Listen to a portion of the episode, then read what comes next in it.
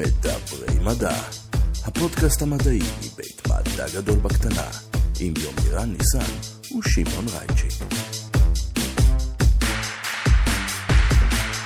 שלום וברוכים הבאים למדברי מדע, הפודקאסט הרשמי מבית מדע גדול בקטנה, יומירן ניסן, מולי בזום, מה העניינים? בסדר, שמעון, מה קורה?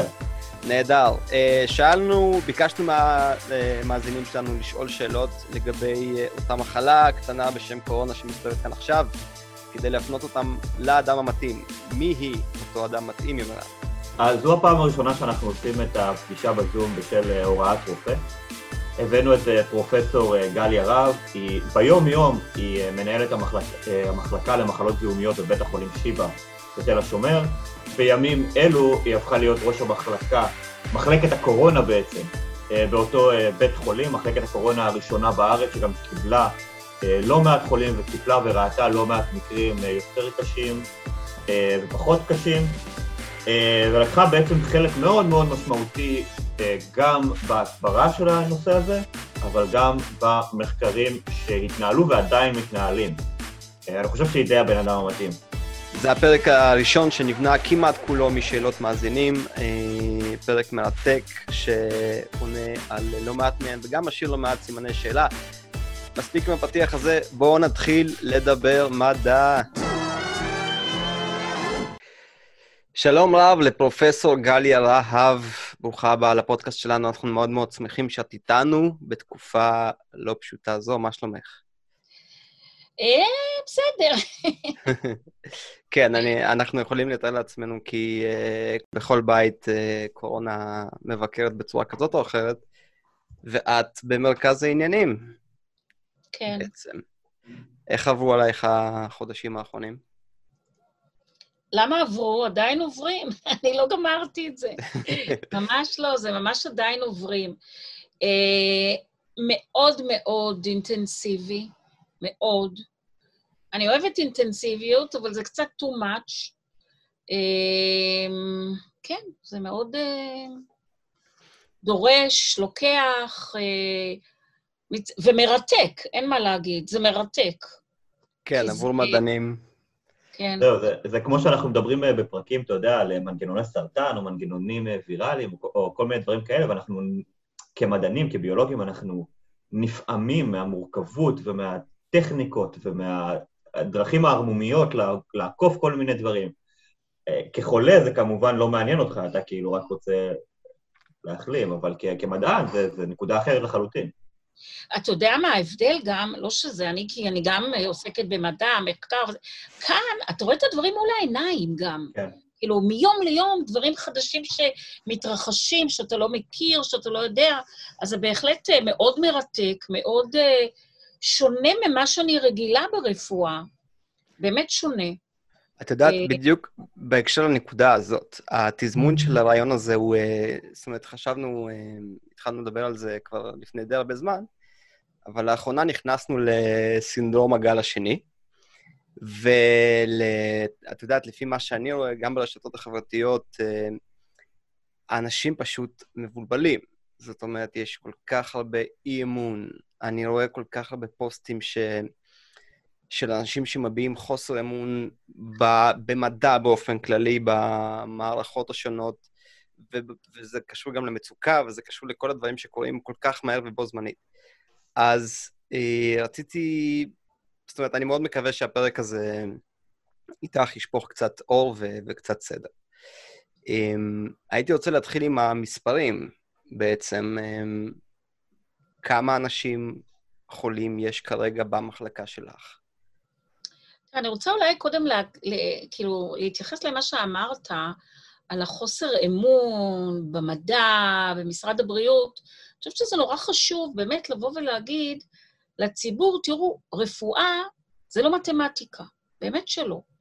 זה דברים משתנים, זה דברים שאנחנו לומדים אותם, ולכן אני נורא מבקשת שתהיה יותר סובלנות כי תראו, זה וירוס שהוא כנראה יותר חכם מאיתנו. הוא עושה כל הזמן, כל הזמן מתעתע בנו, ואנחנו יחד עם הציבור לומדים את זה. זה לא שאנחנו הכרנו את הקורונה קודם, לא הכרנו את ההתנהגות, לא... זה באמת חדש. והסובלנות הזאת היא נורא חשובה, לא לבוא ולהגיד, טוב, אני לא מאמין למשרד הבריאות, טוב, אני לא מאמין למדע. לא, אנחנו לומדים את זה ביחד. אה, זה חלק מהדבר המרתק, ויותר סובלנות ויותר אה, פתיחות. אני חשוב לי רק להגיד שבהקשר הזה, אה, יצא לנו גם במסגרת הפודקאסט וגם במסגרת העמותה לדון, כשאני אומר לדון זה בעיקר, יותר אפילו להתייחס קצת בזלזול מסוים לאנשי קונספירציות ברמה של כאילו של 5G שגורם להפצת קורונה וביל גייט שמממן צ'יפים שנכנסים. אנחנו לא, אנחנו בפרק הזה נתמקד, וזה חשוב גם כאילו להגיד למאזינים, אנחנו באים להתמקד במדע, במדע as is, בממצאים המדעיים, ומה שאנחנו לומדים, כי, כי כמו שפרופסור רהב בעצם אמרה, וזה הקטע החשוב, יש פה משהו חדש. אשכרה גם קראו לווירוס הזה בהתחלה נובל קוביד 19. כי לא הכירו אותו קודם. נגיפים קיימים על הפלנטה הזאת מיליארדי שנים, הרבה לפני האדם, יהיו פה גם אחרינו, ו- וצריך לכבד אה, יצורים שהצליחו לשרוד אה, בתנאים הכל כך אגרסיביים של הטבע שלנו כל כך הרבה שנים. אוקיי, okay, אז בואו נגיד ככה, שקודם כל, אתה שאלת אותי כמה חולים יש לנו כרגע בשיבא, אז כרגע יש לנו בסך הכל 15 חולים אה, מאושפזים בסך הכל, שזה יחסית לפני שבועיים זה הרבה. בוא נגיד, בתקופה של השיא, היו לנו מאושפזים עד 120 חולים ביום רק בבית החולים שלנו, אה, זה ירד עד שלושה חולים, ועכשיו זה עלה שוב ל-15 חולים. כשאת אומרת חולים, הכוונה היא חולים מאושפזים במחלקת כן. הקורונה? כן. עם קורונה. כן. כן. Okay. אוקיי. אני מדברת על חולי קורונה, כרגע הטיפול נמרץ שלנו נסגר, אה, לא כרגע, זה כבר כמה ימים טובים, אה, כשכל החולים שהיו בטיפול נמרץ, או שהם השתפרו, כלומר, נהיו שליליים ועברו למחלקות רגילות, או עברו, למ... נהיו שליליים ועברו למחלקת שיקום, או לצערנו נפטרו. אז כרגע אין לנו חולים מאושפזים בטיפול נמרץ. אבל כמובן שאנחנו צריכים להתארגן עם זה, והתארגנו. יש לנו אפשרות כמובן לקלוט חולים גם לטיפול נמרץ. ואני יכולה להגיד לכם שכן יש, אין לי בדיוק את המספרים בכל בית חולים, למרות שיש את זה בכל בית חולים כמה, כמה חולים יש, אבל אני יכולה להגיד לכם שאני אני איכשהו התארגנתי להביא לשיבא אה, את התרופה שקוראים לה רמדזוויר, שאני די מאמינה בה, זו מילה נורא לא מדעית, אבל אני אולי בהזדמנות נספר על זה. אז uh, uh, מה שקורה זה שאני אמ, uh, קיבלתי מכל הארץ, כאילו, בקשה שאני, אשתת... שאני אתן להם את התרופה הזאת גם, וזה לחולים, uh, זה לא לחולים קלים. וזה רק מלמד אותי באמת כמה חולים חדשים לא קלים יש. אז כן, מה, יש... מה ההתוויה הרשמית של התרופה הזו? למה היא נועדה במקור?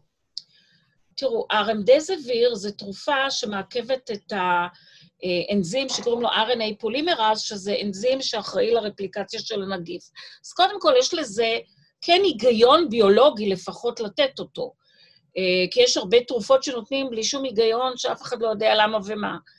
אה, אז... סליחה שאני שואל, זה, זה מעכב RNA פולימרז, שגם כן. לנו יש, או RDRP? לא, הוא מעכב את ה-RNA פולימרז, גם לנו יש, אבל בוא נגיד שה... אה, האפיניות של התרופה ל-RNA פולימרז הנגיפי הוא הרבה יותר גבוה. עכשיו, למעשה התרופה הזאת... רק, התרופה... סליחה רק שנייה, אה, רק בשביל לבזר את האוזן למאזינים שלנו, כשפרופסור רב אומרת אפיניות, הכוונה באיזו יעילות התרופה נקשרת לאיזה חלבון. זאת אומרת, הרבה יותר יעיל לחלבון הנגיפי מאשר לחלבון שלנו. כן. נכון.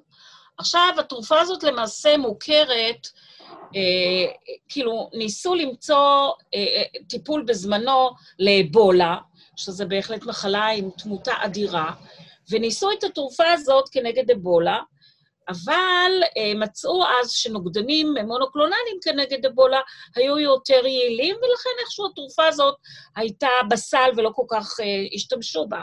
אחר כך כשהתחילו מחלות הקורונה, סארס ומרס, שזה גם, זה מחלות אה, גם שנגרמות על ידי אה, אה, אה, קורונות, אז גם ראו במעבדה שבהחלט התרופה יעילה. לא הגיעו כל כך לטיפולים וכולי, אבל ידוע שהתרופה הזאת יעילה כנגד אה, נגיפי הקורונה. ואז באמת התחילו להשתמש בתרופה הזאת אה, בקורונה, ב-COVID-19, ומאוד קשה היה להשיג אותה, כי חברת גיליאד נתנה אותה באמת בהתחלה רק במה שנקרא טיפול חמלה, compassionate use, ומהר מאוד סגרה את, את הניסוי הזה, כיוון שהיו אין סוף בקשות, ואז איכשהו הצלחתי ככה להשתחל לזה מהר מוקדם, כי רציתי שיהיה לי ככה בסטוק שלי את התרופה. הם לא נתנו לנו את זה לסטוק, אבל לפי חולים. אה, ולאט לאט התחלתי, כאילו, נרשמתי לעוד איזושהי תוכנית שלהם, וכן השגתי את התרופה, וכן, אה, כאילו, סך הכל היו לי, כאילו, התרופה, היה לנו די הרבה הצלחות אצלנו אה, בטיפול ברמדזביר. כמובן, תלוי מתי נותנים אותו, לא מאוחר מדי, אלא בשלבים שהחולה מתחיל להידרדר. אני חייב לציין שלא, שזה לא הגיע לכותרות, זאת אומרת, שהיה את כל הסיפור של ההידרו-קלורוקווין, והנשיא טראמפ אפילו דיבר על זה, ושחברות ביטוח אמריקאיות שלחו לחולים שאשכרה צריכים את התרופה הזאת, שהם לא הולכים לקבל אותה, ושהם מודים על, הקבל, על ההבנה או משהו בסגנון.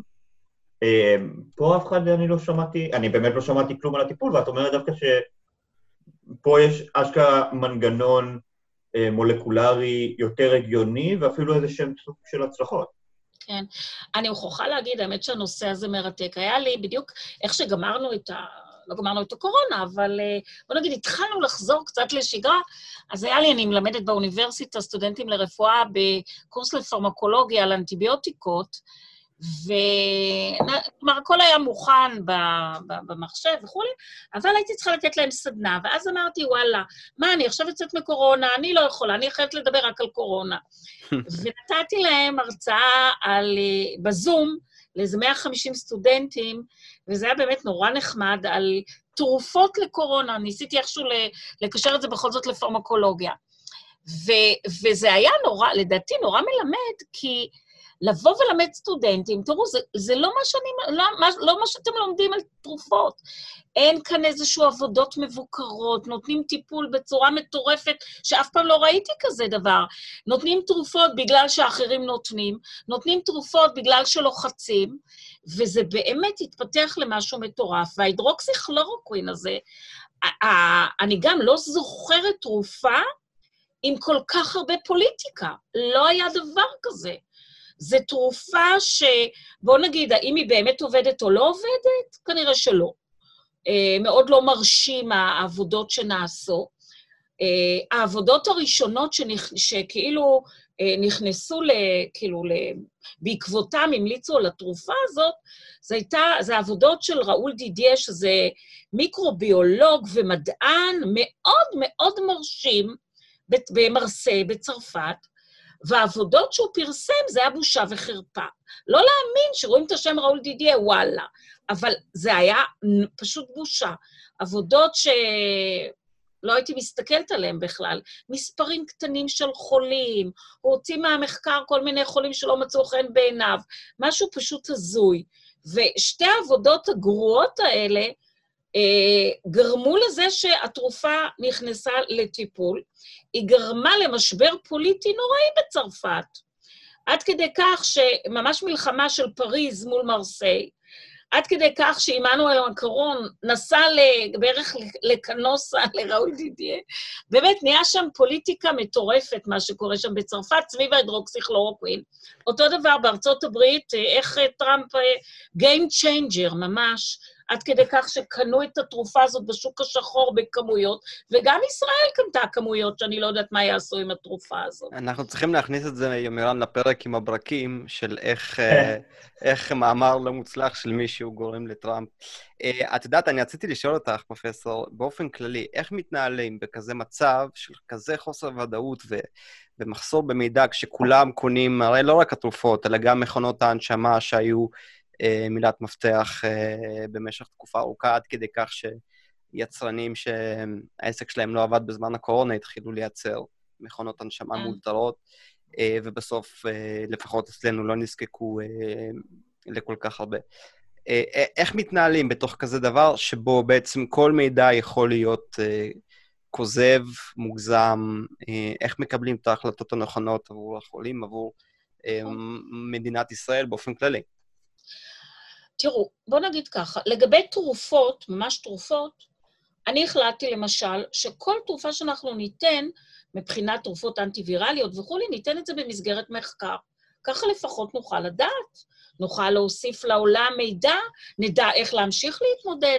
אז אנחנו באמת, כאילו, בשיבא נתנו את התרופות באמת במסגרת מחקר. אמ, זה אחד. עכשיו, לגבי נגיד מנשמים. תראו, מנשמים, איך תמיד מנהל הבית חולים שלי אמר משפט נורא חכם, ואני חושבת נורא חשוב. אנחנו נתארגן כמו איטליה ונצפה שיהיה כמו סינגפור. אני חושבת שזה משפר נורא נכון, כי מי יודע איך, מה תהיה בדיוק ההתנהגות בארץ. היום אנחנו חכמים, לא היה צריך, אבל באיטליה, בניו יורק, אה, היה מצב בספרד שלא היה, לא היה מנשמים. החליטו באיטליה שאנשים מעל גיל 60, לא, אין, אין סיכוי שהם יגיעו למנשים. אז ברור שצריך להתארגן לזה. ואני חושבת שדווקא כל הקטע של, ה, של הפיתוח והזה הוא, הוא מדהים, מדהים. אה, אני חושבת שזה חלק מה, כאילו, מהמדע הנורא מרשים. טוב, אני יכולה, להגיד לכם שלמשל בשיבא פה, המרכז חדשנות שלנו עשה המון דברים, המון דברים, בין השאר שאני כאילו הייתי מעורבת בהם. זה 14 קבוצות מכל מיני קבוצות מחקר שעזרו לנו בכל מיני מודלים לראות מי החולה המידרדר. עשו כל מיני קבוצות מחקר להפעלה של מנשמים, כל מיני רעיונות, שזה מדהים הדברים הנ"ל, כן. כן, ראיתי באיזשהו מקום בפייסבוק שמישהו כתב, תנו לישראל אה, משבר ו... נכון. אה, יעשו לכ... יבנו לכם אה, מנשמים מקרבורטור מקולקל של אופנוע ושלושה ברגים ו duct tape. נכון, לא, זה, זה, זה מדהים. אני חייב להגיד שבאמת החדשנות הישראלית ברגעי המשבר זה תמיד משהו שכיף לראות. כאילו, לא כיף שיש את המשבר, אבל כיף לראות את החדשנות. נכון. מה שכן אבל חשוב לשאול בהקשר הזה, זה איך בעצם, בואי נגיד, חולה קורונה שהגיע אלייך בפברואר, מרץ, אה, קיבל טיפול, לעומת מה הטיפול, הקו הטיפולי שהוא יקבל אה, היום. אני כמובן מדבר נורא נורא בכללי, וכל מקרה הוא לגופו, ויש מחלות רקע וגיל ודברים אחרים שצריך להתחשב. דבר באופן כללי, איך הטיפול בהבנה שלנו של המנגנון של המחלה והתהליך שלה שונה בין אז ובין היום. כן. אז תראה, אין מה להגיד שלמדנו המון, אני למשל, אני עשיתי כל איזה שבוע, שבוע וחצי, מין כזאת פגישה של הרופאים שמטפלים בקורונה, ומספרת על ה... לפחות על, ההרגש, על הניסיון שלי, על הקריאה שאני קוראת ומה אני מציעה, וכתבנו כל הזמן פרוטוקולים אה, של נוהל טיפול בחולי קורונה, שהוא, איך הכותרת? זה דינמי ומשתנה מיום ליום. אני חושבת שאחד הדברים שאני כל כך אוהבת את המקצוע שלי, גם רפואה ובפרט מחלות זיהומיות, זה באמת שזה תופס את כל הרפואה. זה לא איזה צ'ופצ'יק של הקומקום, אלא זה באמת הכול. ואנחנו באמת ראינו כאן שזה וירוס שפוגע בהמון דברים. זה לא רק טיפול נגד הווירוס, זה עוד המון דברים אחרים. ואנחנו למדנו את זה עם הזמן. אז בואו נגיד שב... אה, בפברואר, פברואר עוד לא ממש, אה, כאילו, זה רק היו אז החבר'ה שהגיעו מהספינה, שכולם היו בריאים, וגם נורא חשוב לדעת שלא מטפלים באנשים בריאים. אה, איך אני תמיד מלמדת, שאחד הדברים החשובים לדעת זה גם מתי לא לטפל. אולי זה אחד הדברים הכי חשובים. אבל בוא נגיד במרץ, אז באמת, כאילו, אני מחלקת את זה לטיפולים כנגד הווירוס עצמו, וכל השאר. אז בוא נגיד כנגד הווירוס עצמו, אז במרץ באמת היה הקטע של ההידרוקסיכלורוקווין, שהיה שיגעון, כולם רצו, ואני אמרתי, רגע, רגע, בואו נלמד, נראה. לא מיד התחלנו, אבל היה כזה לחץ מהשטח, אה, וראינו שכן, אכן נותנים את הטיפול הזה באמת ב... כאילו, הסינים, וגם היה לנו הרבה... אה, שיחות משותפות בזומים עם, עם סינגפור, עם סין, עם אלה שכאילו למדו את המחלה קצת לפנינו. אז בהתחלה כן נתנו הידרוקסיכלורוקווין, אבל באמת במסגרת מחקר. אני יכולה להגיד לכם שהיום הוצאנו את ההידרוקסיכלורוקווין מה... מהתרופות אצלנו. כן, למרות mm-hmm. שגם כל הקטע של אה, הידרוקסיכלורוקווין זה עדיין אה, לא לגמרי פתור. אקונומיקה, אקונומיקה, זה הדבר. כן, או כן, המנורת UV בתוך החזה. כן. עכשיו, הרמדזביר בהחלט, שבהתחלה לא הכרנו, עכשיו באמת תופס תאוצה. טיפול בפלזמה ממבריאים, שלא היה קודם, כי גם לא היו מבריאים, אז עכשיו כן אה, הולך ותופס יותר ויותר תאוצה. עכשיו, אה, אנחנו כן למדנו שיש אה, הפרעה קשה, זה באמת, אני, כל הזמן, לקח לי כל כך, זה מצחיק, לקח לי כל כך הרבה זמן לשכנע את הרופאים שלי, לא שלי, בכלל, בבית החולים, את הקרדיולוגים וכולי, שתראו, מערכת הקרישה מעורבת פה בצורה אדירה. כאילו, הפגיעה בריאות, פגיעה בלב, פגיעה בכליות. זה מערכת, זה טרומבוסים, זה קרישים בכלי דם קטנים, שמאוד קשה לעשות את ההבחנה, רק בנתיחות לאחר המוות אפשר לראות את זה. ולי זה היה ברור כי ראיתי בבדיקות המעבדה שמערכת הקרישה מטורפת, קורה לה שם משהו. ואז התחלתי תרופות כנגד מערכת הקרישה, תרופות נגד אה, אה, נוגדי קרישה, מה שנקרא. ועם הזמן, לקח לי זמן לשכנע, בהתחלה לא כל כך... אה, לא, זרמו איתי, אבל אחר כך אה, כן זרמו, והיום זה חלק מהטיפול, אה, נוגדי קרישה. היה המון debate על קטע של, אתם יודעים שה receptor בדרכי הנשימה, שאליו הווירוס נקלט, קוראים לו ACE, ACE2. ויש תרופות שעובדות על, על המערכת הזאת של ה-ACE2, והיה המון debate האם מותר לתת uh, מעכבים של ה-ACE2 כנגד לחץ דם או כנגד אי ספיקת לב, זה טוב, זה לא טוב. היו המון קונטרוברסיות, אז בהתחלה אמרו, רגע, בואו נפסיק, אחר כך אמרו, רגע, אה, לא נשנה, לא ברור, היום יש עבודות שמראות אולי זה בכלל עוזר. אז עברנו המון שינויים עם כל הטיפולים התרופתיים, אין מה להגיד. כמו שאני אמרתי לכם, עוד דבר חשוב זה הקטע של אה, ציטוקינים. אנחנו יודעים שחלק מה, מהמחלה הזאת זה סערה של ציטוקינים. ציטוקינים זה חלבונים שמופרשים בכל מיני מצבי דלקת, והציטוקינים גורמים, הם אלה שגורמים לנזק, לנזק בריאות ולכל מיני, לכל מיני נזקים. ויצא הקטע של באמת לתת תרופות נגד ציטוקינים. שזה תרופות שגם עלולות לפגוע במערכת החיסון. אז בוא נגיד שהיה איזשהו, בהתחלה בכלל לא הכרנו את זה, אז אף אחד לא טיפל בזה.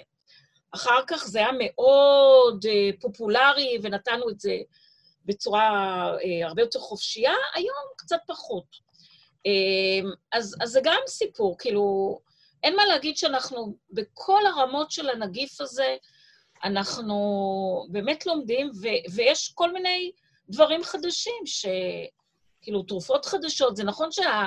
בוא נגיד, בארץ השכיחות ירדה בגדול, אבל אה, אה, זה לא קורה בעולם הגדול, אז ברור שצריך אה, למצוא עוד הרבה תרופות. תגידי, פרופסור, אני גם שמעתי על uh, טיפולים בסטרואידים, או שזה משהו שעוד לא נוסע? נכון, בהחלט. נכון, לא אמרתי את זה, אבל זה כמו, כמו שיש טיפול בציט... בנוגדי ציטוקינים, במיוחד uh, נוגד של IL-6, אותו דבר יש גם טיפול בסטרואידים, שהוא גם די קונטרוברסיאלי, כן לתת, לא לתת, כן מדכא את מערכת החיסון, לא מדכא את מערכת החיסון. אז בהחלט יש אה, די הרבה, די הרבה קונטרוברסיות בנושא הזה. למה מערכת החיסון אה, היא חשובה? זאת אומרת, יש תגובה אוטואימיונית כלשהי, או שזה... תראו, בואו נגיד, בשלב האקוטי של המחלה, אה, גם, האמת, זה גם דבר נורא מעניין. בהתחלה אמרנו, זה וירוס, נקודה. אחר כך למדנו שהשלב הראשון של המחלה הוא בעיקר ויראלי, אחר כך יש איזושהי פגיעה אה, בריאות, ואחר כך יש את ה, באמת את הפגיעה הדלקתית הקשה של אה, שפיכה של ציטוקינים, וטיפולים אולי באמת בשלב היותר מתקדם זה נגד הציטוקינים ולא נגד הווירוס. אבל מתברר היום, ש, וזה אנחנו יודעים היום מנתיחות אה, לאחר המוות, אה, שכן רואים אה, במיקרוסקופ אלקטרוני מלא נגיף, גם בשלב הדלקתי. זאת אומרת, גם בשלב כאילו המאוחר יותר. אה, אז, אז כן, יש, זה יותר דלקת, לא אוטואימוני. זה נכון שיש תגובות אימוניות מאוחרות, למשל, היום, כל היום הייתי בתקשורת על קטע של הבחור שנפטר אצלנו. זה בחור שהגיע, זה מקרה מטורף, שהגיע באמת בחור צעיר, בן 26, בריא לגמרי, בלי שום מחלות רקע, והוא הגיע עם תמונה נורא לא טיפוסית לקורונה, של כאבי בטן והקאות, הקאות, הקאות. וחשבו שיש לו בטן חריפה, איזשהו אפנדיקס שהתפוצץ או משהו כזה. אבל עשו בירור ולא מצאו אפנדיקס. אה, והבדיקות שלו לקורונה, כמובן, אז עשינו לכל חולה שמגיע קורונה לחדר מיון, והוא היה שלילי, שלילי, שלילי. אשפזנו אותו במחלקה לבדוק מה קורה לו, ואז ביום השלישי פתאום מופיעה פריחה, מופיע תסנינים בריאות קשים, ו- והחולה עבר הנשמה וכולי, ואז, ואז הייתי בטוחה שמדובר במה שנקרא מחלת קוואסקי, שזו מחלה אימונית שכנראה הקורונה גורמת לה. עכשיו, איך אני יודעת שהיה לו קורונה? כי א', הסרול... הנוגדנים, רמת הנוגדנים בדם הייתה נורא גבוהה לקורונה, וגם בהמשך הווירוס שוב הופיע. אז התגובה הזאת של הקוואסקי זה מין תגובה אימונית, אוטו-אימונית, לא בדיוק ברור, אה, כנגד הנגיף. אז הכל אנחנו רואים פה בקורונה, באמת. אז את יודעת, אה, כל מיני דברים שאמרת אה, מובילים אותי לשאלה הבאה. גם, גם דיברנו על הטיפולים שהשתפרו וגם על הידע. אה, שנהיה יותר מבוסס, וגם על הבדיקות, שעליהן רציתם לדבר כמובן, כי, כי גם זה Buzzword מאוד מאוד חזק. אז אולי תעשי לנו קצת סדר. יש כמה סוגי בדיקות, יש כמויות של בדיקות שמשתנות כל הזמן. אנחנו עכשיו גם נמצאים בתקופה שבה כמות המאובחנים עולה, אבל כמות, ה, כמו שהם מוגדרים בחדשות, מונשמים, אה, לא כל כך, אז אולי תעשי לנו סדר במסלול הזה של, של מספרים פשוט, של... אה, אז תראו, בדיקות, הבדיקה באמת, מה שנחשב הגולד סטנדרט, זה ה-PCR. מה זה הבדיקה הזאת? עושים, לוקחים מטוש ולוקחים דגימה גם מהחלל הפה וגם מהאף, ועושים אה, בדיקה של החומר הגנטי של הנגיף, אה, שזה נקרא PCR, עושים אמפליפיקציה, הגברה של החומר הגנטי, וזו בדיקה שבאמת אה, נחשבת הבדיקה הכי טובה.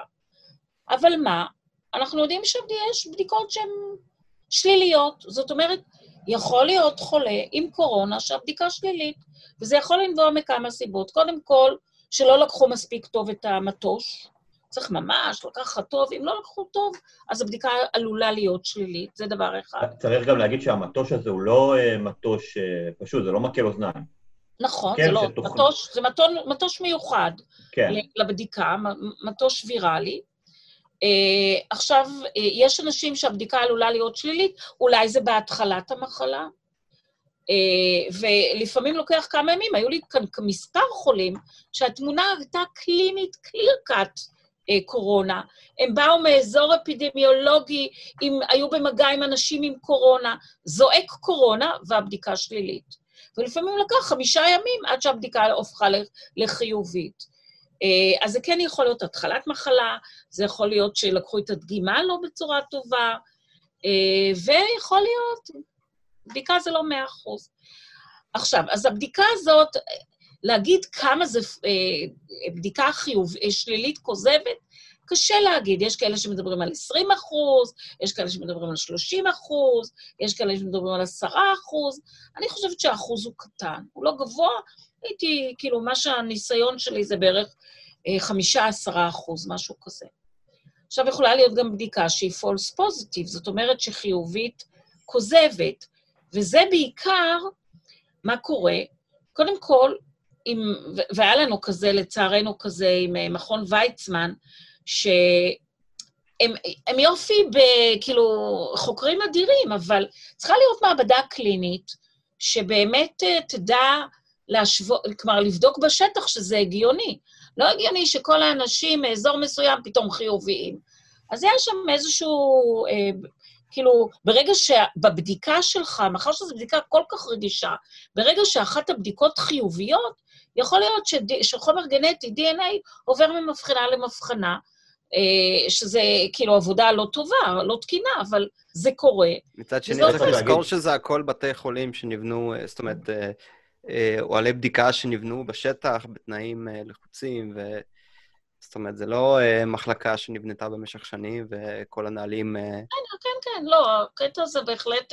אבל אני חושבת שעדיף לעשות את זה, כאילו, אין מה להגיד שצריכה להיות מעבדה באמת, אה, אה, שיש לה את האקספרטיס להיות מעבדה קלינית, כי זה אחרת מעבדת מחקר ומעבדה קליני, אין, אין מה להגיד, זה אחרת.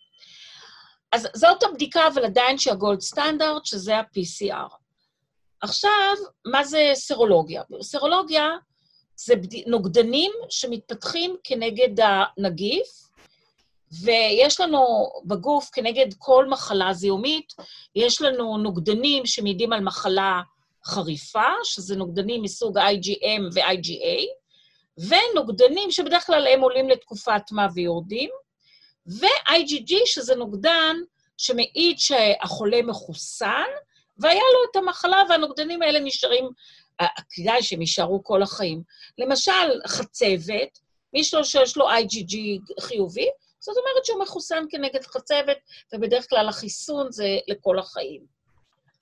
אבל כל, כל אה, מחלה זה אחרת. למשל, נוגדנים ל-HIV, מראה שיש לך HIV. נוגדנים להפטיטיס C, מראה שיש לך את המחלה עצמה. אז זה שונה בכל, בכל מיני סוגים של מחלות. עכשיו, במקרה של קורונה, מה שאנחנו יודעים היום, הרבה לא יודעים עוד, כן? אה, אבל עדיין נוכחות של נוגדנים, אנחנו לא יודעים מספיק לבוא ולהגיד שזה נוגדנים מחסנים. כי על מנת להגיד שזה נוגדנים מחסנים, צריך לבדוק, לקחת את הנוגדנים עצמם, לבדוק אותם כנגד וירוס ולראות שהם מנטרלים את הווירוס, מה שנקרא neutralizing antibodies. וזה זה לא דבר שעושים בצורה רוטינית כמובן, כי רק במכון הביולוגי עושים כרגע את הבדיקה הזאת. על איזה בעל חיים עושים אותה כרגע? סליחה? על, על איזה בעל חיים עושים אותה כרגע, או על בני אדם כבר? לא, עושים את זה, כאילו, עושים את זה עדיין אין ויטרו, זאת אומרת, נגיף, אה, אוקיי. ורואים שזה באמת עוצר את הנגיף, פשוט.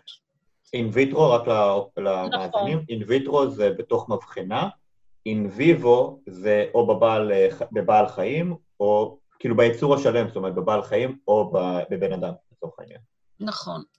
אמ, אז, אז מה שאנחנו, כלומר, אנחנו יודעים שהנוגדנים האלה קיימים, אנחנו לא יודעים עדיין אם הנוגדנים האלה, אה, אם הם באמת מנטרלים והם יעילים. אנחנו יודעים שיש אנשים שחלו ובכלל לא מפתחים נוגדנים, ואנחנו יודעים מקורונות אחרות שהנוגדנים האלה לא מחזיקים הרבה זמן מעמד. אז לבוא ולהגיד עדיין מה התפקיד של סרולוגיה, סימן שאלה. אה, מבחינת בריאות הציבור, זה נורא נחמד לבוא ולהגיד, אוקיי, הנה, עשו סקר בארץ, מצאו ש-2.5% מהאוכלוסייה יש להם, הם אה, סרופוזיטיביים, זאת אומרת, יש להם נוגדנים, שזה בערך פי עשר מכמות האנשים שנדבקו, זאת אומרת, לפי זה, על כל חולה אחד יש אולי עשרה אסימפטומטיים. אה, יש עבודות אחרות שמראות שהשיעור הזה יותר נמוך, אז זה נושא שהוא עדיין קונטרוברסיאלי. קשה לי לבוא ולהגיד שהיום יש ממש תפקיד לסרולוגיה. אני חושבת שהתפקיד פה ושם, כמו שאמרתי לכם, הבחור הזה, הוא עוזר לנו באבחון אם באמת ה-PCR שלילי. תגידי, איך יודעים בכלל אה, מה כמות האנשים האסימפטומטיים, עם רוב הסיכויים שהאנשים האלה פשוט לא יבואו להיבדק?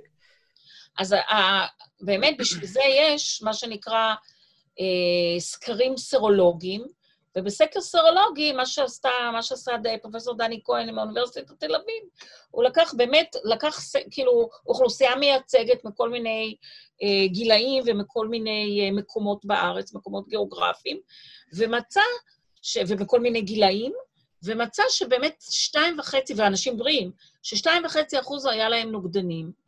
ואז המחשבה שאם זה שתיים וחצי אחוז, זאת אומרת שזה בערך 200 אלף אנשים שהם, סרופ... שהם סרופוזיטיביים, שזה בערך פי עשר מכמות החולים.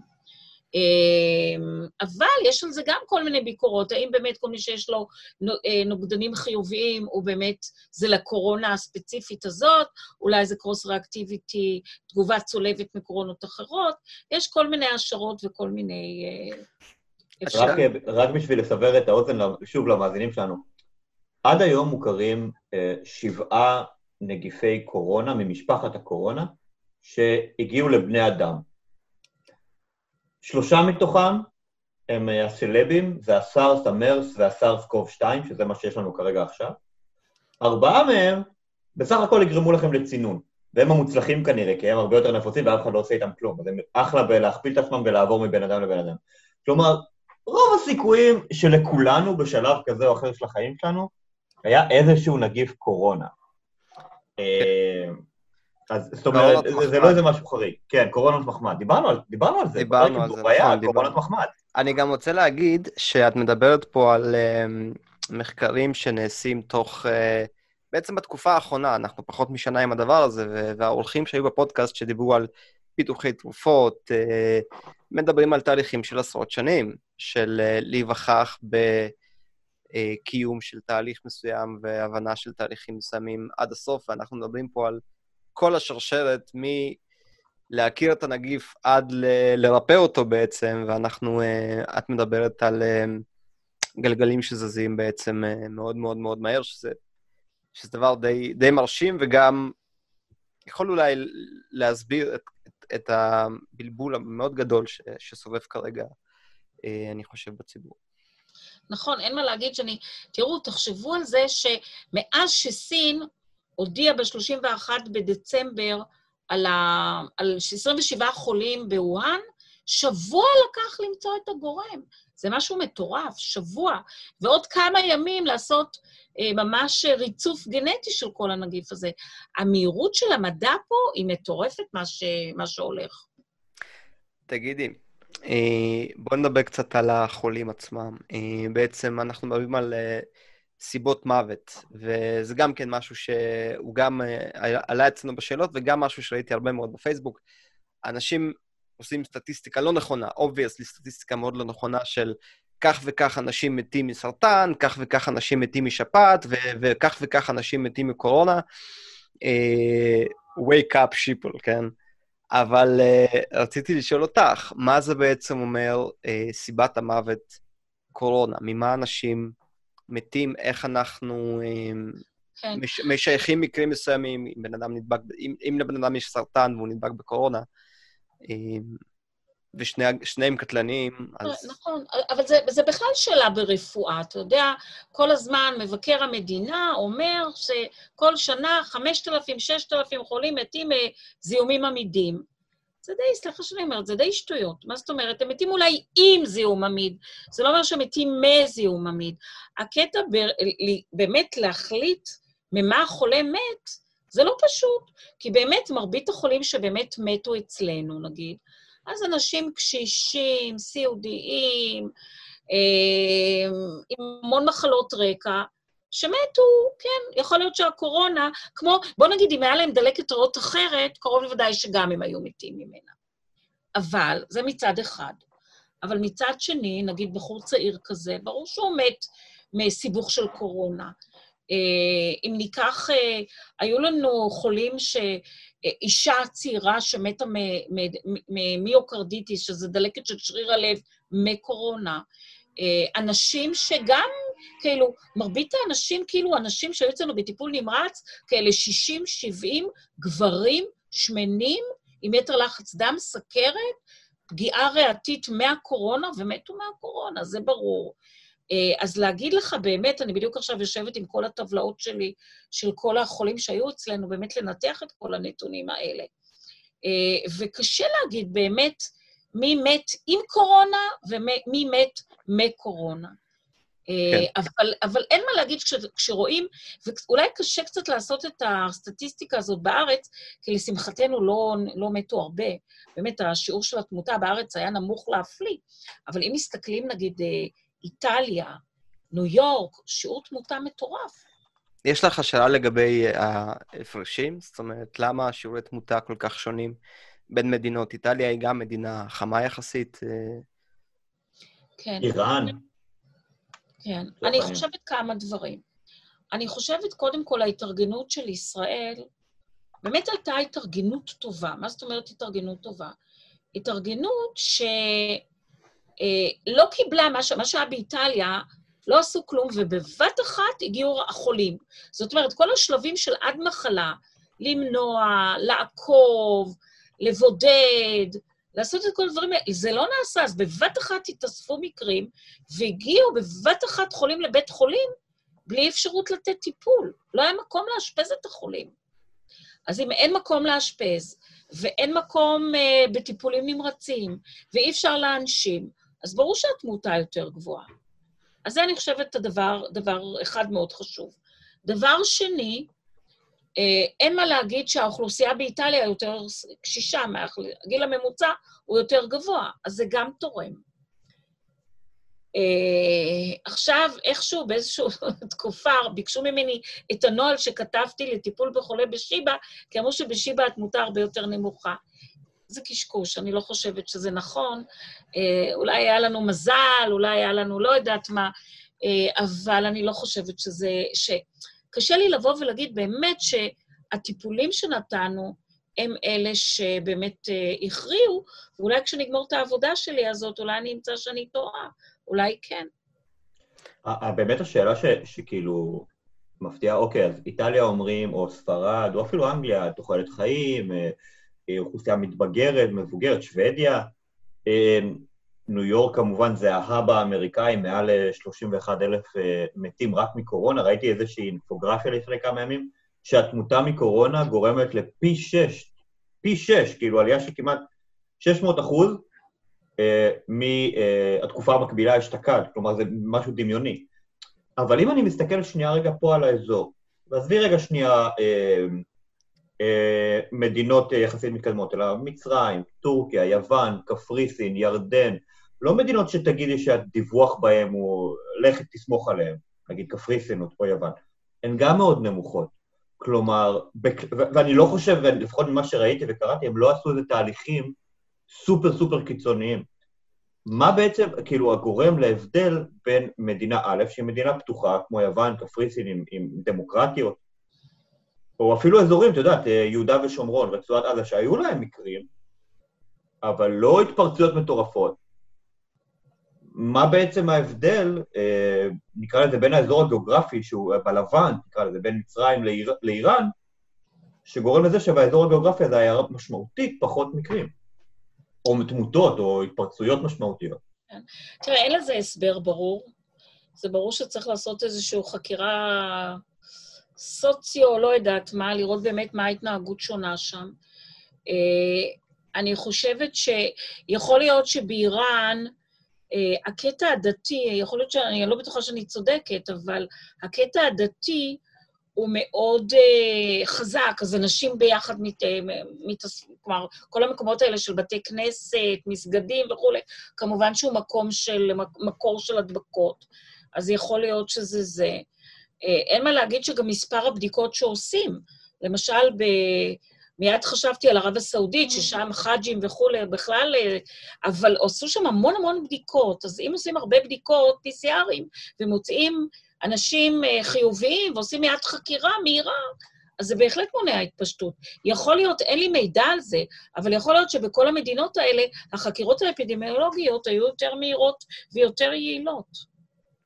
אני, איכשהו אני בספק שב... כן, אבל איכשהו אני בספק שנגיד ב... לא יודע מה, במצרים, החקירה האפידמיולוגית, או ביוון, או יותר טובה ממדינה מערבית, כאילו, שוב, אני כמובן לא מזלזל בזה, אבל... א', אני לא יודעת, כמו ש... אין לי כן, תשובה. כן. כן, כן. אבל, תראו, אי אפשר להגיד מזג אוויר, כי מזג אוויר כמו, כאילו, הוא דומה, הוא דומה. מצרים... כן, איטליה, איראן, אנחנו פחות או יותר נכון. אותו, ספרד, פחות או יותר אותו מזג אוויר. תראה, אמ, מאוד יכול להיות ש... זה באמת איזשהו, כאילו, באיטליה תיארו, אז אני לא יודעת, האמת שאם זה אמת או לא אמת, אבל היה איזשהו פוסט שעבר בין כולם על הקטע של קבוצות הכדורגל, המשחקי כדורגל, אז כן. האם באמת זה פתאום איזשהו משחק כזה שכולם היו ביחד, ושם הייתה הדבקה המונית, ואחר כך זה ככה התפרץ. יכול להיות שזה איזשהו מאורע אחד נוראי, שבאמת גרם לכ... לכזאת התפרצות.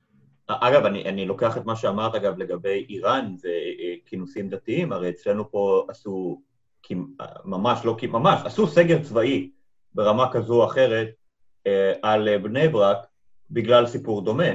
בטח. אבל בבני ברק, לפחות, אני שמעתי, את יודעת, את, אה, אני לא זוכר מזה, אני אומר מנכ"ל קופת חולים מכבי, שאומר שבבני ברק יש בערך 70 אלף מקרים לפי הערכה האפידמיולוגית שלהם. לא, אין מה להגיד. כן. משהו פה, משהו פה, הכוונה, משהו, ולא היו לנו את הכוונה, את נתוני, לא החולי ולא התמותה, בהינתן מגורים בצפיפות מאוד גדולה, אה, אה, חוסר הקפדה על נהלים ברמה כזו או אחרת, בתי כנסת שעדיין היו פתוחים. אה, זאת אומרת, היה פה, יש פה, אני לא יודע לשים, אני שואל אותך, כי את המומחית, אני לא יודע אבל מה לשים את הנקודה, מה בעצם ההבדלים, מבינה? כן.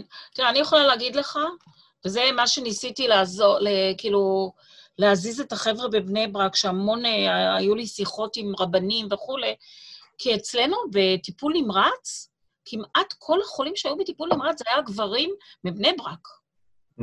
אז זה נכון, הכל יחסית, אבל בני ברק הייתה, היו... התחלואה אצלנו הייתה מאוד גבוהה. כן. תחלואה קשה.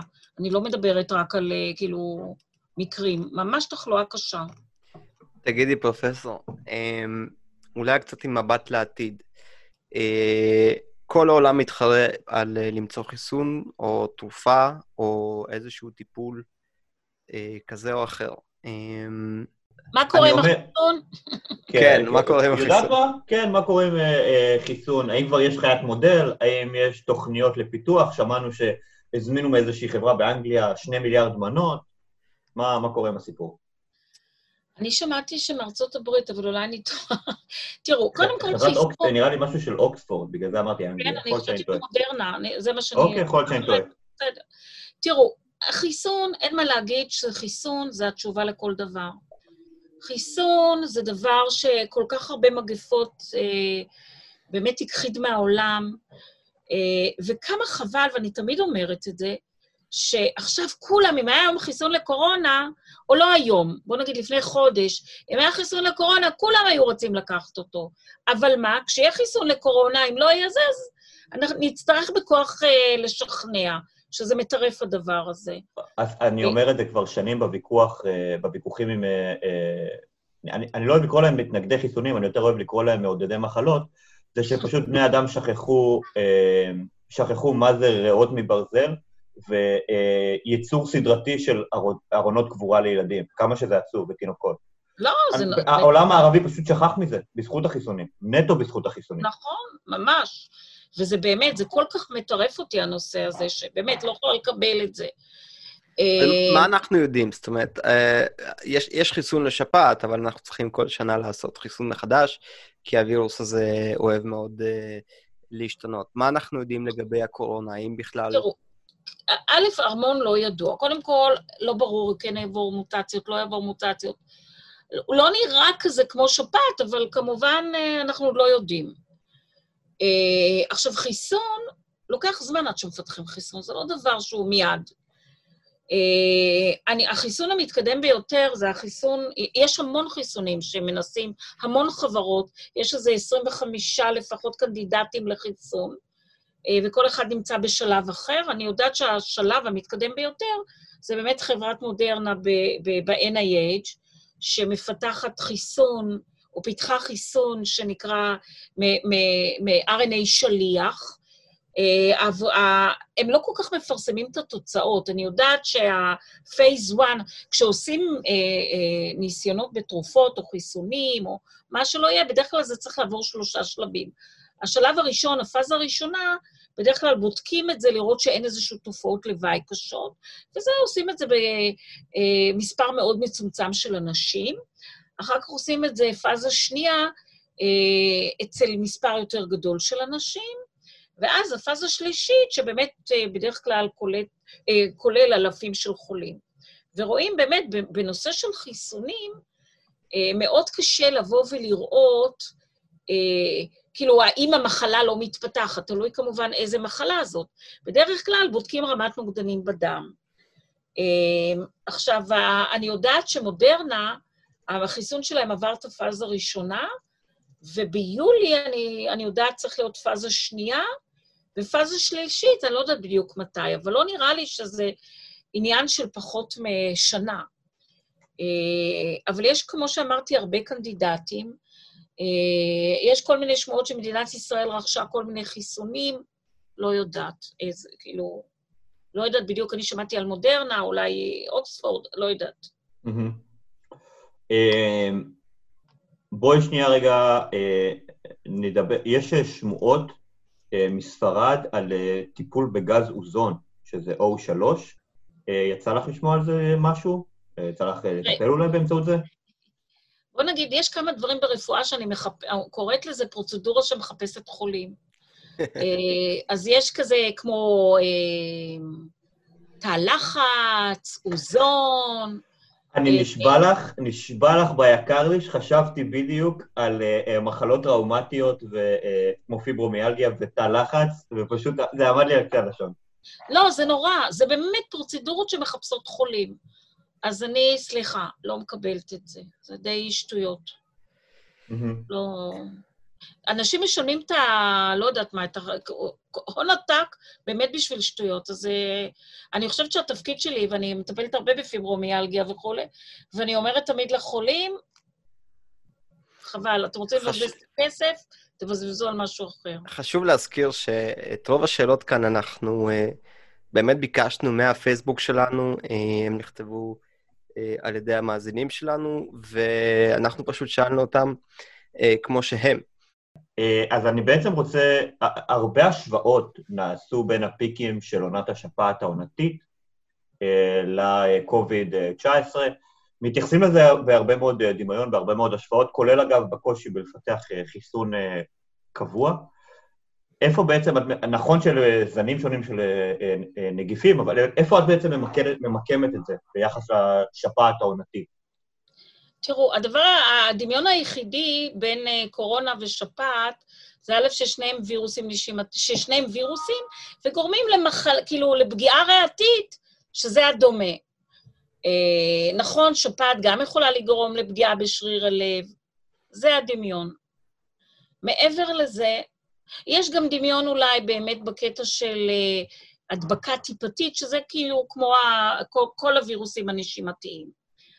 אבל המחלה הזאת היא שונה לגמרי. קודם כל, היא שונה לגמרי בשיעור התמותה שלה, אי אפשר להשוות לחלוטין. בשפעת התמותה היא 0.01 אחוז, כאן אנחנו מדברים, תראו, נורא קשה לדבר עדיין על שיעור תמותה, זה לא דבר שלגמרי אה, מקובע. ארגון הבריאות העולמי, הפעם האחרונה שהוא תיאר את שיעור התמותה, מדבר על 3.4 אחוז.